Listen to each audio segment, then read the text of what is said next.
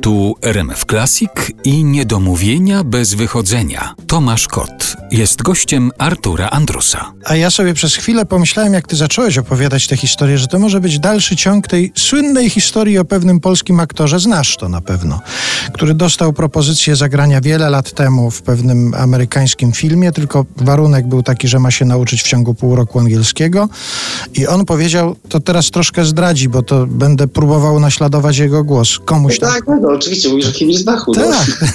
Ja się tego angielskiego nauczę, on się rozmyślą, a ja jak z tym angielskim zostanę. To u ciebie nie było takiego. Ja uwielbiam Himmelsbacha, ale mam też inne doświadczenie, że jak się poznaje obcy język, poszerza się wewnętrzna perspektywa, przynajmniej o ileś idiomów. To znaczy, do, jakby człowiek dowiaduje się, jak gdzie indziej na świecie to samo zjawisko może być nazywane.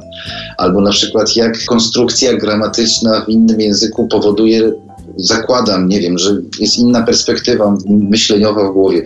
Na pewno człowiek jest bogatszy znając inny język, to jestem pewien. To nie ma, nie ma czegoś takiego, że to jest jakiś pusty przebieg i tak dalej, tylko chyba warunek jest jeden, to musi być żywy język, to znaczy trzeba umieć, czy to musi być komunikacja, żeby docenić to dobro, bo bo uczyłem się też, nie wiem, pamiętam w podstawówce niemieckiego, do dzisiaj nic nie pamiętam. Mam takie doświadczenie, jak wróciłem, to tak sobie myślę, kurde, to jest jakiś rodzaj przestępstwa, że się kara za błędy językowe w przypadku nauki języka obcego. To tak nie może być. Uczymy się na błędach. Obcokrajowcy bardzo chętnie z tych błędów wyprowadzają. Doceniają fakt, że człowiek próbuje mówić w ich języku.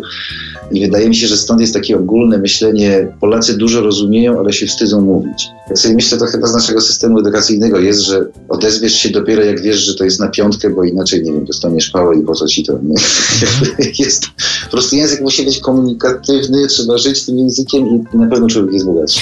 Ja słyszałem też taką definicję, że język zaczyna tak naprawdę działać wtedy, kiedy potrafi się w tym języku zażartować. Ty już żartujesz po angielsku? Wiesz co, brakowało mi tego na planie bardzo, bo to, bo to było naprawdę ciężkie. Nigdy w życiu nie spotkałem się z podobnym zawodowym przy, jakby wyzwaniem i też po raz pierwszy w życiu doświadczyłem takiej gigantycznej samotności planowej, ponieważ zrozumiałem, że nie wszystkie żarty mogę przetłumaczyć, to co mi się w głowie pojawia. Nie, nagle się orientuję, że na przykład, kurde, powiedziałbym to, ale gdyby była polska ekipa, bo to byłoby śmieszne, jak się to przekłada, to to, to w ogóle nie ma, bo, bo to, tamten żart był związany z językiem polskim na przykład. Nie? Albo mhm. kurde, zawsze żartuję z pionu operatorskiego, czy razem z nimi, e, ale nie znam w ogóle żadnych technicznych określeń, nie wiem, na te wszystkie sprzęty, które znam oczywiście po polsku, więc, więc tak, oczywiście robiłem wszystko, żeby zacząć żartować, bo wymyśliłem na początku, w tym takim najcięższym dla mnie okresie, że im więcej jakby wykonam wysiłku, żeby się czuć tak jak na polskim planie, w sensie takiej energii między ludźmi i tak dalej, tym szybciej jakby